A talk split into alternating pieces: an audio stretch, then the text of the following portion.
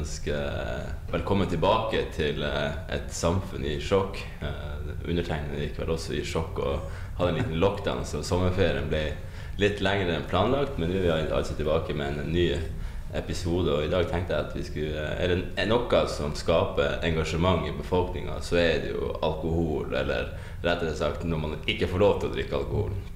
Så derfor har jeg satt sammen et et variert og kompetent alkoholpanel som kan få være med og diskutere relevante eh, problemstillinger. Og Karite Fønnebø, du er daglig leder på Solid.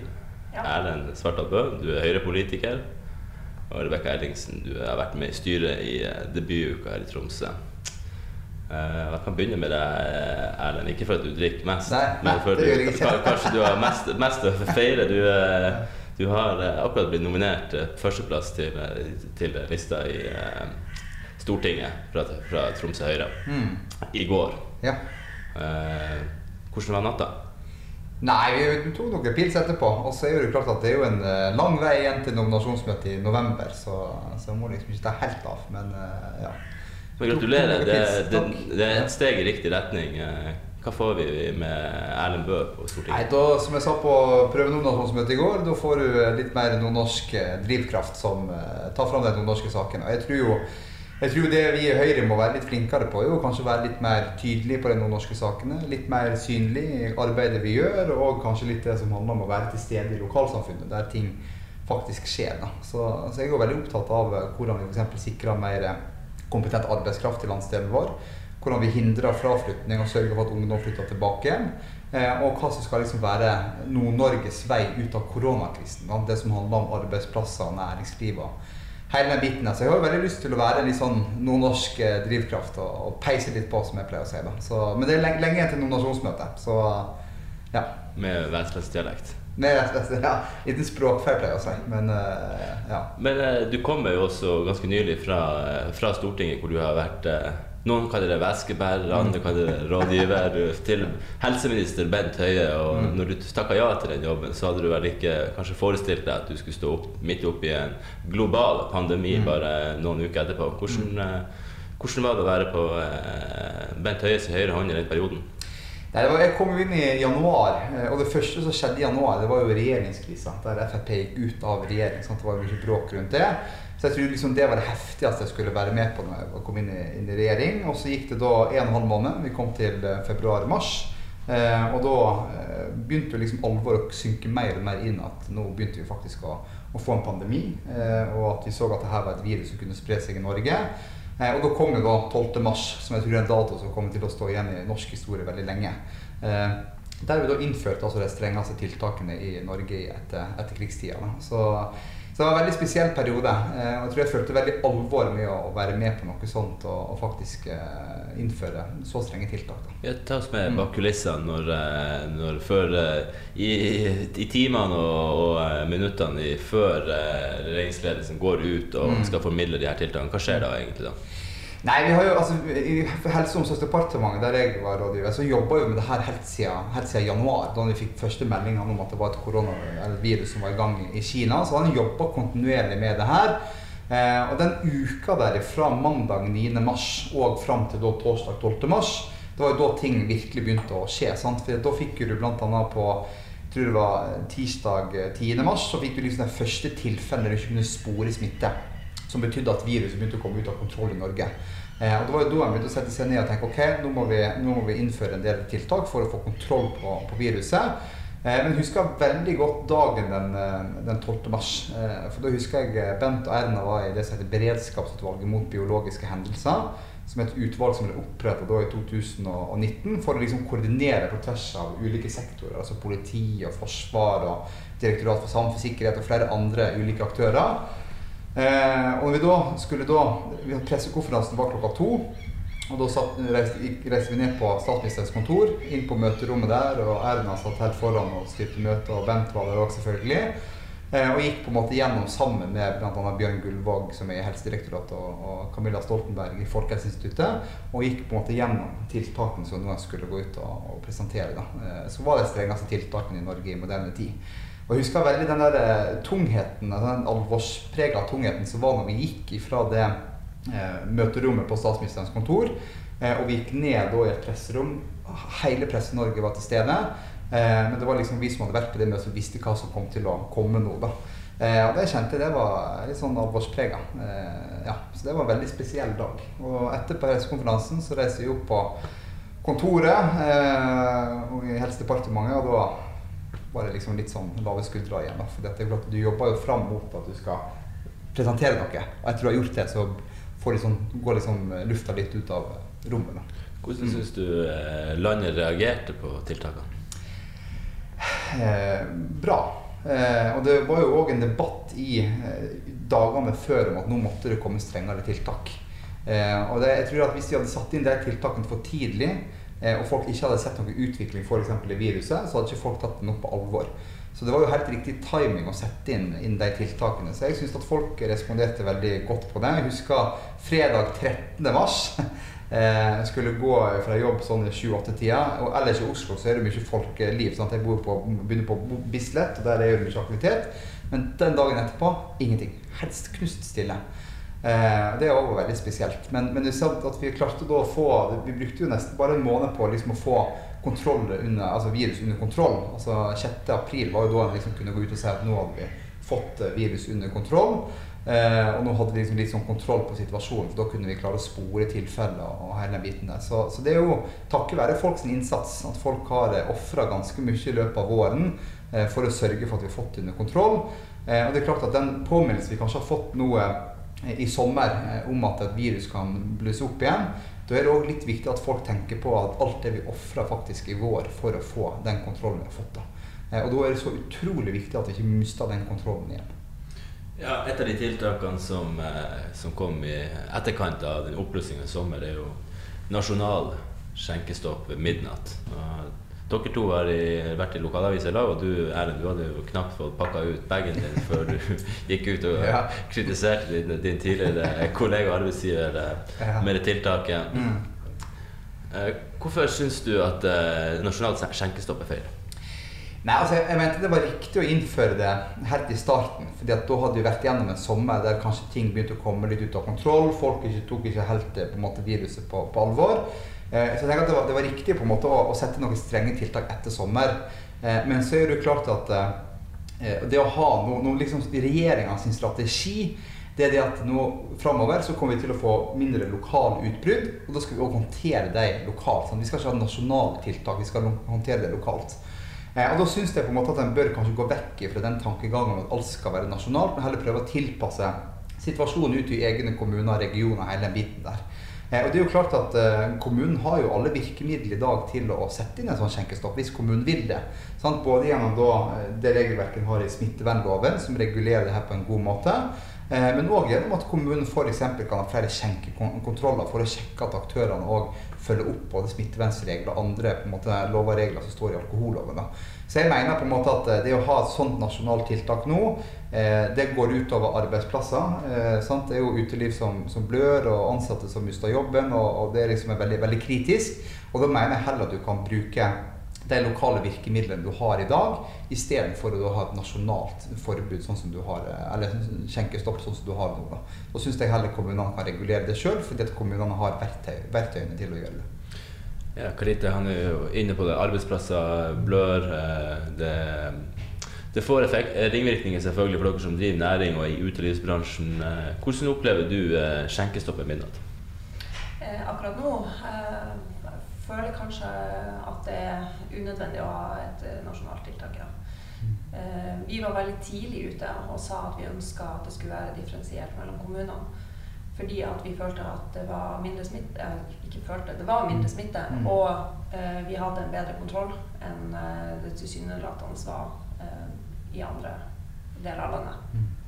Så det etterlyste vi ganske tidlig fordi at vi så at det kom til å koste mye. Og da mener jo jeg da at mange av de oppsigelsene og mange av de tingene som har skjedd, kunne vært unngått eh, her oppe. Man trenger jo ikke å, å, stenge noe ned og at noen mister jobben uten at det er nødvendig. Så vi var allerede med en gang vi fikk åpne, var vi egentlig i dialog både med, med NHO og vi er medlem av NHO, så vi har jo vært veldig glad for å ha dem i denne perioden. da. Men uh, vi var tidlig ute og spurte om alternativer for uh, å kunne endre skjenkbevillinger til salgsbevillinger. Um, men her ligger det nasjonale retningslinjer i grunn som gjør at man ikke kan endre på type bevilgninger og sånn. Egentlig rett og slett for å berge oss. Så akkurat nå ser vi ikke helt hensikten med den klokka tolv her, men har full forståelse for at andre, andre steder at det er nødvendig. Ja, hvordan, hvordan, oppfører eh, dine gjester seg etter, etter midnatt? Er de, er de, er de fortettelige, eller er Uten å ta fra folk eh, råderett over eget liv, så kan jeg si at det krever litt oppdragelse når man har drukket, da, for at, uh, for at det skal fungere. Men det følte jeg at vi har, hadde fått ganske god kontroll på. Nå er det jo ikke sånn at når du setter inn ei endring, så blir den endringa fungere fra neste dag. Uh, du må nesten ha litt tid på å få inn rutiner. Sånn at jeg pleier å si til dem som jobber her nede, at gi det noen tre-fire uker, så skal vi få uh, etablert nye rutiner. Vi er jo vanemennesker, så vi går jo inn i samme vanen hele tida. Sånn at hvis det skal brytes, så må man hjelpe folk litt på vei, da. Jeg var jo på besøk hos dere uh, for ei god uke siden, og jeg satt der og ja, har, på grunn av denne lockdownen jeg gikk på sjøl, så har jeg ikke nytt så mye alkohol som jeg tidligere har gjort. Så da jeg, hadde jeg observant øye, da, så satt jeg fulgte med i inngangspartiet. Og alle, brukte, alle som kom, brukte antibac, og det virka som alle forholdt seg til den enmetersregelen i køa. Og eh, det er ganske sånn eh, spesielt å legge merke til hvordan hele samfunnet nå nesten oppfører seg som robotaktig i sånne type situasjoner. Jeg vet ikke om jeg liker det eller om jeg ikke liker det, men det er sikkert noen positive og negative effekter med det. Men eh, det er åpenbart at gjestene eh, tar til seg retningslinjer eh, litt for fort. Og så er kanskje problemet at det er enkelte aktører og enkelte personer som gir seg blanke faen i det og ødelegger for alle andre. Er det rett? Det er rett. Eh, det er noen som ikke, som ikke bryr seg. Og, jo, eh, og det også sant, Det har vært eh, konfliktfylt også eh, i denne prosessen, der du må både diskutere med gjester og forklare hvorfor altså, Vi ser jo ganske tidlig hvis noen ikke klarer å overholde den regelen på utsida. Mm. Så vet man jo at de i hvert fall ikke klarer å overholde det inne. Og der har vi måttet vært ganske strenge. Eh, fordi at når ansvaret er lagt på oss, eh, mm. så er det også vi som må håndheve det og følge det er, jeg syns det har vært litt for mye fokus at det er vi som skal håndheve det, og litt for lite på den enkelte. Eh, og ikke minst kommunene. Hvor er de i det her? Hvorfor er ikke de synlige i gata? Det er det veldig mange av oss som lurer på. Mm. Hele ansvaret er lagt på utelivet, på å ha kontroll på de som beveger seg i sentrum. Men det, men det, er jo litt det som er poenget. Sant? for Du snakker om at det er noen som ikke er flinke til å ta antibac. og sånne ting, Men sånn er jo det òg i utelivet. Altså, det er jo veldig mange seriøse aktører. altså Solid er jo en av dem. Den har ordentlige systemer der den kommer inn og spriter seg, og du må til og med registrere deg når du er gjest. Altså, det er veldig mange uteliv som er veldig flinke til å følge opp reglene. Så er det klart at det er noen som ikke er like seriøse og like flinke. Eh, men det er jo det som også er poenget, at eh, hvorfor skal da plasser som Solid, som er utrolig flinke til å følge opp det på en ordentlig og seriøs måte, måtte lide da under at det er noen enkeltaktører som ikke er like seriøse da, og er like flinke til å følge det opp. Du skulle jo ta det direkte med Bent. og eh, Hvordan gikk hva han sa? Jeg har gitt, gitt, beskjed, så vi får se. Jeg så i dag, Det var en pressekonferanse i dag der han utsatte gjenåpninga. Ja. Der sa han òg at han ikke skulle oppheve det her. Men jeg mener det er viktig, for det handler òg om at du må da sette tydelige regler. Kommunene kan regulere det her fint i dag. Eh, men så må jeg liksom huske på det næringsperspektivet. Det er liksom opptatt av. For det er arbeidsplasser. Eh, og det er klart at Vi bor i en by. Eh, sånn, vi snakker ikke om at reiselivet sliter og sånt. Det har jeg sett i Norge i sommer har det egentlig gått ganske fint. Men det er klart at vår reiselivssesong i Nord-Norge er jo ikke på sommeren. Det er jo på vinteren. Sant? Så det er klart at vi går jo nå inn i en tid der en kommer til å bli enda tøffere framover. Jeg vet ikke hvordan liksom, fordelingen er på sommer og vinter, når det er mest aktivitet. Men det er jo klart at jeg vet jo at veldig mange er flinke til å bygge seg opp en buffer sant, utover sesongene. Ja, det tror jeg blir enda tøffere nå. da. Hvis vi kommer tilbake til reiselivsnæringa etterpå. Mm. Først skal vi prate litt med deg, Rebekka. Du eh, har vært i styret i debutuka her i Tromsø. og den har sikkert blitt selvfølgelig annerledes den som det meste annet av arrangementer. Uh, I forbindelse når debutuken pågikk uh, i det ganske land, så var det veldig mye fokus i riksmedia på studentene. Og det var noen oppsiktsvekkende videoer fra Frognerparken mm. der som var, var litt uheldige for, for, deres del. Hvordan er det med studentene? Driter dere fullstendig i alt som heter smittevern, eller oppfører dere dere? Jeg vil jo tro at uh, alle studenter tar det her på alvor, og at det er unntaket vi ser hele veien. og vi i debutuka i Tromsø valgte jo ganske tidlig, rett før debutuka starter, å avlyse alle fysiske arrangement og heller oppfordre studentene til å være i sine kohorter og sine faddergrupper på 20 stykker. Og eh, vi har jo egentlig kun fått positive tilbakemeldinger både fra næringslivet, men også studentene sjøl om at det her har eh, fungert. Det har jo selvfølgelig vært veldig trist å ikke kunne samles og eh, arrangere de arrangementene vi hadde lyst til å arrangere, men vi har hele veien vært veldig opptatt av å ha en digital um, omstillingsprosess der programmet kan gjøres digitalt, slik at man kan samles hjemme i stua uavhengig hvor mange man er, og samtidig føle en del på det fellesskapet. Ja, for Dere eh, starta allerede, dere som var i styret allerede i eh, mars og planlegger ut fra to scenarioer når august skulle komme. Kan du fortelle litt om det? Ja, vi starta jo arbeidet i oktober i fjor med å allerede se på hvordan vi skal sette programmet for årets eh, fadderuke. Så vi hadde jo allerede lagt og booka inn flere store artister for å lage et fullverdig konsertprogram. og måtte da i midten av mars avlyse samtlige konserter, for vi så allerede da at det ville være umulig å gjennomføre i august. Og da valgte vi å kjøre planlegginga med to scenarioer, én heldigital og én delvis digital. Så alt som har blitt programmert i år, har jo vært med hensyn til at det kan kjøres eh, digitalt. Hvordan er stemninga eh, nå? Først og fremst, Eller hva du syns om eh, Det virker som det er oppdragen ungdom som mm. er i sving, som er i, i, tråd med Helsedepartementet og alt som har klart å tenke ulike scenarioer. Og det høres mm. nesten ut som vi er i bunkersen til ja, ja. hva, hva syns du om eh, den jobben de har gjort? Jeg synes det er en bra jobb. Og så må jeg si sånn digitale møter og sånn. Jeg må bare si det, Helt i starten av korona så var det mye sånn det der fredagspils på Teams, og det kjente jeg det var helt drittlei av i år. Så dette å ha tatt opp den digitale biten der synes jeg er veldig bra. Men jeg syns studentene har håndtert det på en fin måte. Det er virkelig sånn der urettferdig kritikk mot veldig mange studenter at det er ungdommen som er problemet. og hele den biten der. Men sånn som jeg opplevde i Tromsø, så har han liksom vært eh, flink. Jeg husker jo helt i starten, midten av august, så så vi jo flere faddergrupper som var ute og hadde omvisning i byen her, der de var flinke til å holde avstand og hele den biten der. Så, så har jeg tatt noen pils ut i Tromsø, jeg òg, og det har vært også studenter ute da, og de har oppført seg på en veldig fin måte. Ja, for at uh som vi har vært inne på, de fikk mm. veldig mye fokus og mm. pryl og ble på mange måter den store, stygge ulven akkurat idet studiene starta opp igjen. Og da Det kom jo i etterkant av at regjeringa hadde sluppet på bl.a. på utenlandsreiser. Hvordan tolker du den sammenligninga? Spesielt i Sverigeturene osv.? Hvordan vil du veie det opp?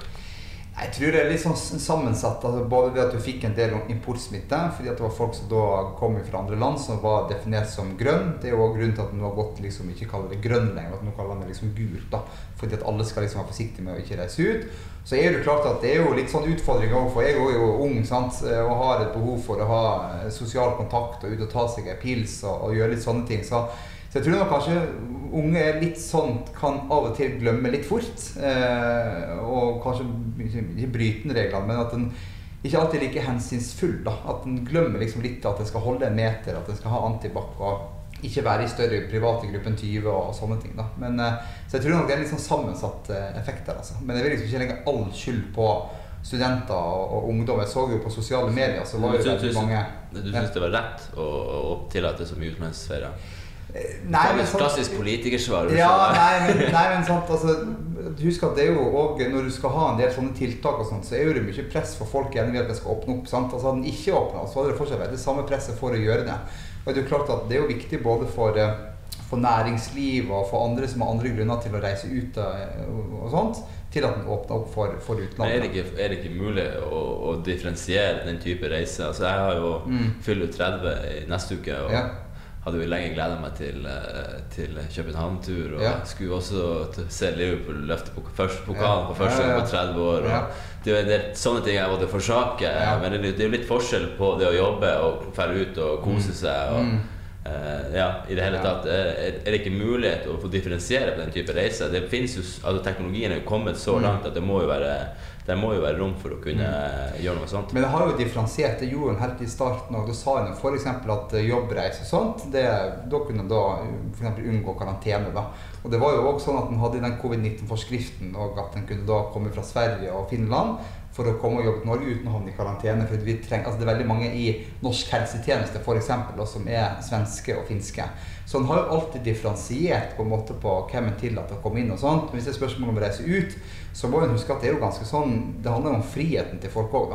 Eh, så hvis du skal liksom definere at du, du, du skal på fotballkamp, det får du ikke lov til, men du skal sånn, det, det går greit. Det liksom som, jeg, jeg forstår at det handler om frihet. Mm. I det ene øyeblikket så får vi ikke lov til å dra på høyta. Mm. I det neste øyeblikket, ikke lenge etterpå, så reiser vi Mm. til land hvor vi har sett skrekkbilder fra helt frivillig. Mm. Eh, og for folk som står i næringslivet osv., og studenter. Så mange har på en måte valgt å bli hjemme i, i sommer. Og så det vil, Mm. Ja. Man kan føle på en veldig urettferdighet i Mm. en sånn situasjon Mm. når det er noen som gjør seg Det skjønner jeg godt.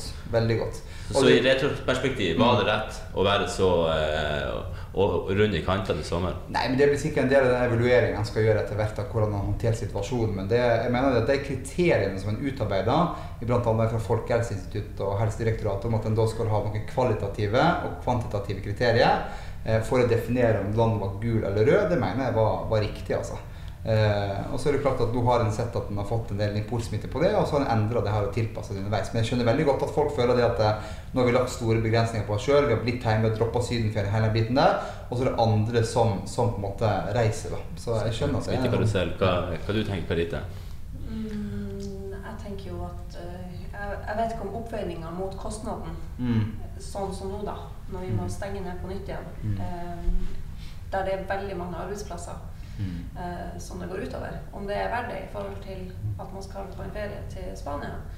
Det er ikke opp til meg å bedømme, eh, Mm. men jeg tenker kanskje at det var litt tidlig. Mm. Eh, og kostnaden er ganske stor. For det er folk sine liv, det er folk sine lån, det er folk sin eh, hverdag. Eh, Spesielt hvis du har vært nede der i Mm. Gran Canaria og traska mellom de bordene, Ja, så det sånn, ja. var det verdt det? Hvis Ja. vi begynner å snakke om arbeidsplasser i flertall. mm. Så eh, ja, det er betimelig å stille spørsmål. Og jeg mener jo at eh, jeg syns regjeringa har gjort en god Ja. jobb, Mm. stort sett. Mm. Men uh, akkurat den der uh, Mm. eh, Den reagerte jeg på, i hvert fall Mm. personlig. Men jeg må jo huske på altså, det her er jo eh, Det å ha en sånn situasjon som vi står i nå, har vi aldri opplevd før. Altså, veldig mange av de tiltak som har blitt innført, har jo vært et eksperiment. fordi at den har liksom ikke vært kunnet måle effekten godt nok. Da. Og det er jo klart at Når en nå har sett da, i konsekvensen av at en får mer importsmitte, så har en da endra kategorien. Sant? Istedenfor at alt er grønt, så er det gult. Sant? Altså, jeg må jo tilpasse hele veien. Eh, så jeg må huske at eh, det her er en situasjon vi aldri har vært i før. Eh, og det er jo klart også at, bare sier det også, at eh, det er jo klart vi må jo også vi må jo også følge en del andre europeiske land land i verden, hvordan de håndterer det, og hvordan de åpner opp og ikke åpner opp. Da. Hvordan eh, var det her når du fikk mye fokus hos dere studenter? Rebecca? Det var jo selvfølgelig veldig mye som eh, vi måtte prate med fadderne og studentene om, naturligvis. For det var jo veldig viktig for oss at eh, vi gjorde det vi kunne for å forhindre smittespredning eh, i alle nivåer. Men det har jo selvfølgelig vært veldig kjipt å være student. Man kan ikke se bort ifra det. Én ting er at du, eh, mange studenter har mista rusttida si, og nå også mister ei fadderuke. Men det er jo mye større konsekvenser enn bare som så av eh, de som skal være fremtida vår. Det er enormt mange som står uten eh, deltidsjobber fordi de er blitt permittert. Studenter er de første som blir permittert. Um, og da først står uten eh, deltidsjobb. Du har masse studenter som nå er ensomme fordi du ikke har den fysiske oppfølginga av eh, andre venner, eller det behovet for å være sosial. Du har utesteder som stenger, du har timer som er Det her eh, har eh, gått utover studentene på veldig mange måter som eh, ikke i veldig stor grad blir plukka opp av alle andre. Og det er jo veldig alvorlig. Så da, hvordan i forhold til- på forbindelse med utenlandsoppholdene, så la det gå snart, men det er noe som dere følte på urett? Jeg forsto det sånn at de ungdommene som var i landet, var veldig flinke til å reise innenlands i sommer og tok eh, ferien sin innenlands, og sikkert nettopp for å håpe at samfunnet skulle kunne åpne opp, og at studietida skulle være som man drømmer om. Hvordan syns dere det var at folk valgte Gran Canaria? Nei, det har vært veldig vanskelig for de fleste studentene. For min oppfatning er at de som har holdt seg hjemme fordi de forstår alvor og de ser hvordan det går utover eget liv. Så det er veldig mange studenter som nå har hatt, holdt seg i frivillig karantene, som ikke har gått på jobb, som ikke har vært sosial, og som ser at alle andre drar utenlands, Mm. og at da alt bare faller forbi. Eh, Det er jo de som må sitte igjen og ta konsekvensene, som veldig mange andre. Men, men regjeringas oppfordring har jo helt siden liksom mars vært at uh, i år tar vi ferien hjemme. Godt på, Ja, så, så det er ikke vært å kommunisert noe annet i hvert fall. Nei. Nei. Det var ikke alle som klarte å lytte til det. Nei, det var ikke det. det ja. Men uh, ja, i alle fall. Uh, Vi skal bevege oss litt over på reiselivsnæringa, for det er jo noe som Mm. opptar oss uh, alle sammen som bor bor i Tromsø og Nord-Norge. Veldig viktig næring Mm. og har mye ringvirkninger for andre næringer, som ikke sånn som dere eksempelvis. Hvordan, først og fremst, Vi har jo en, en Hurtigruten-skandale som skjer ganske nylig etter oppstart etter sommeren. Hvordan opplever dere den situasjonen?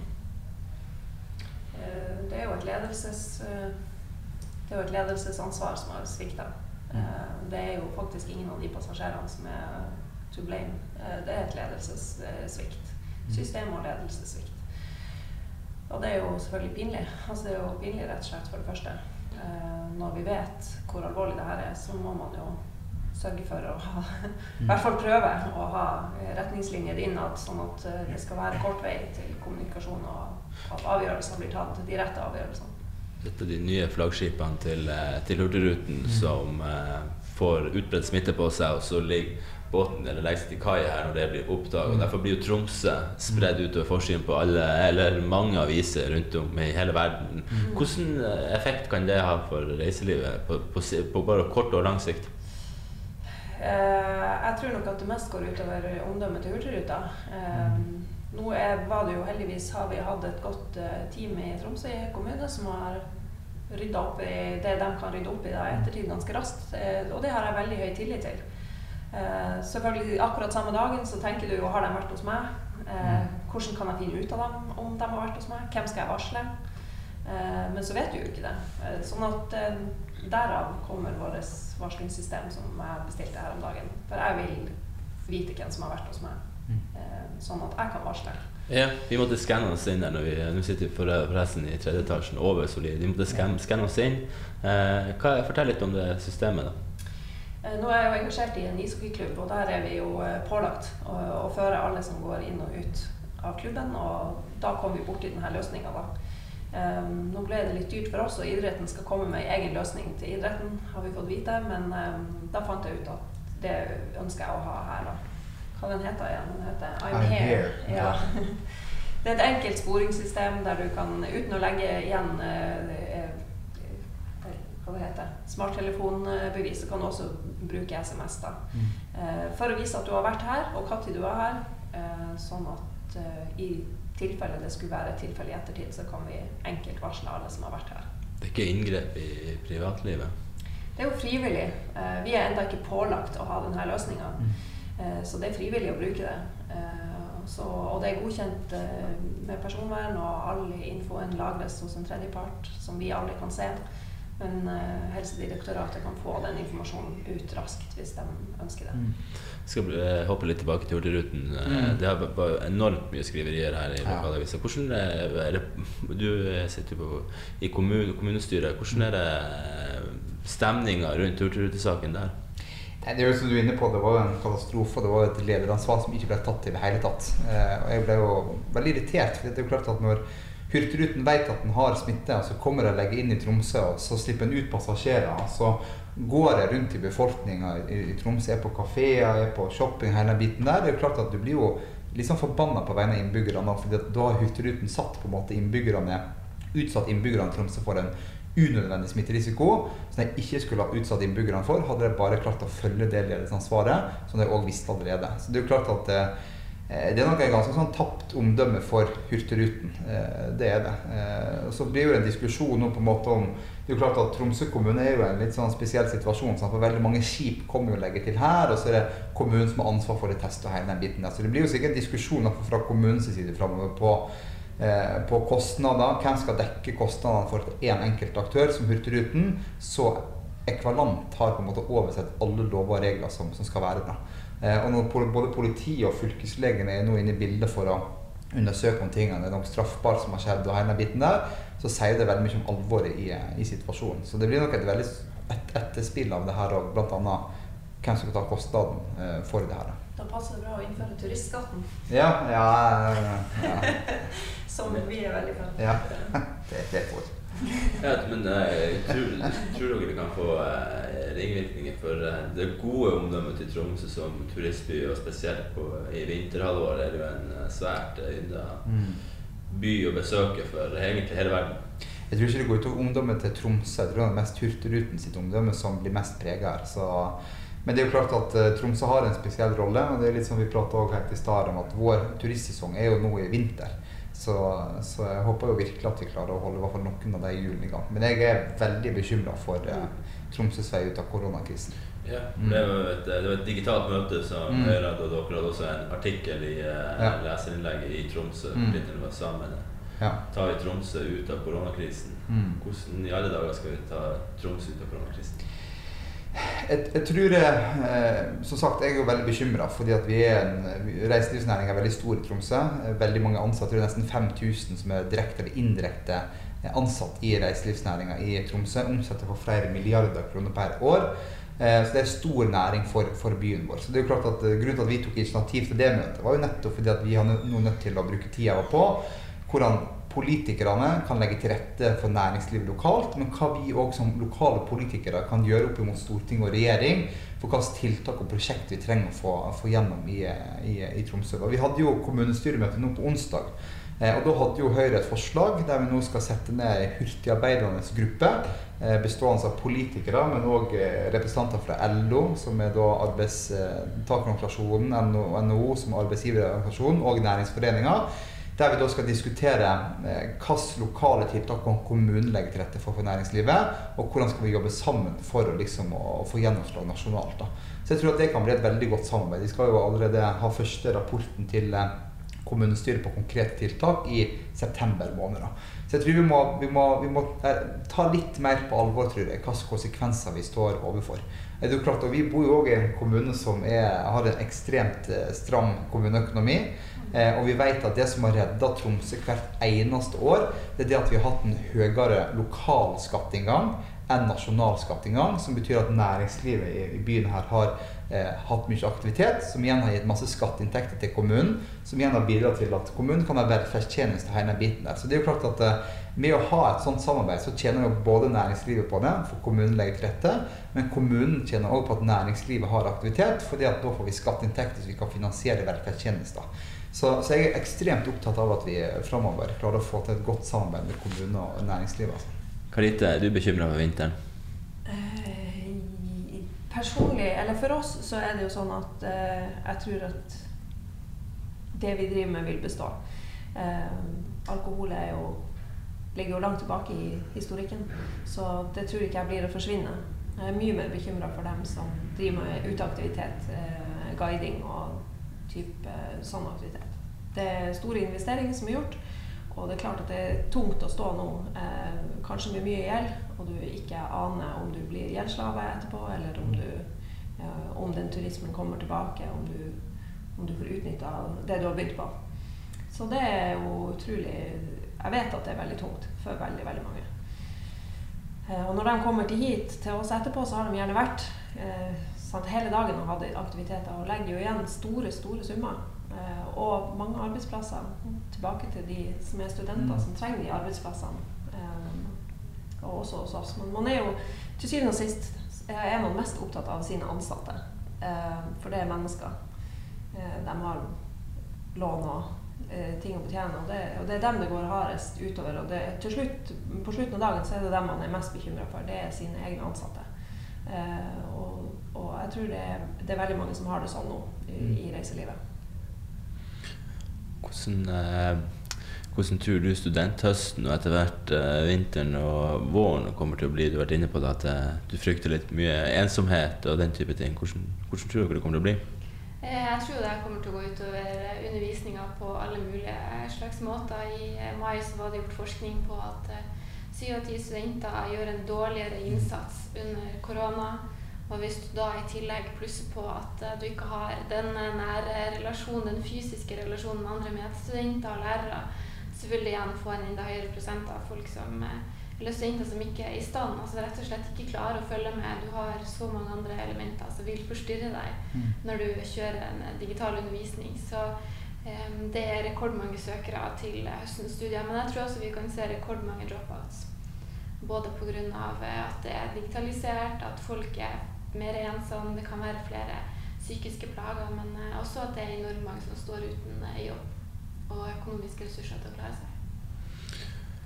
bare sorgen, rett og slett? Vi, eh, får vi noe trakt noe positivt ut av eh, covid-19 helt mot slutten, eller er det bare sjokk og fanteri?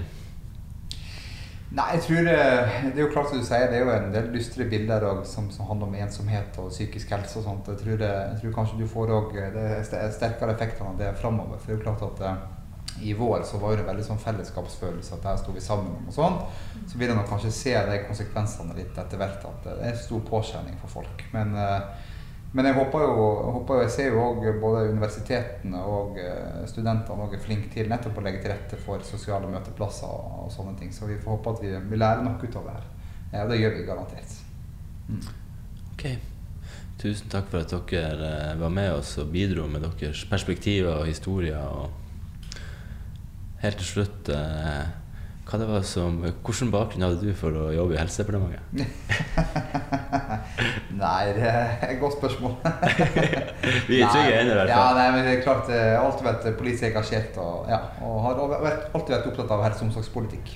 Det er jo klart at Mye av den nasjonale helsepolitikken er jo hvordan vi gjør det i primærhelsetjenesten ute i kommunene. så jeg har alltid vært opptatt av helse og omsorg. Utrolig artig å høre hvordan det var på Stortinget når eh, sjokket forplanta seg for første gang, og interessant å høre perspektivene fra en bareier og ikke minst studentene. Takker for eh, denne gang, og så takker jeg for alle som eh, hørte eller så på. På gjensyn.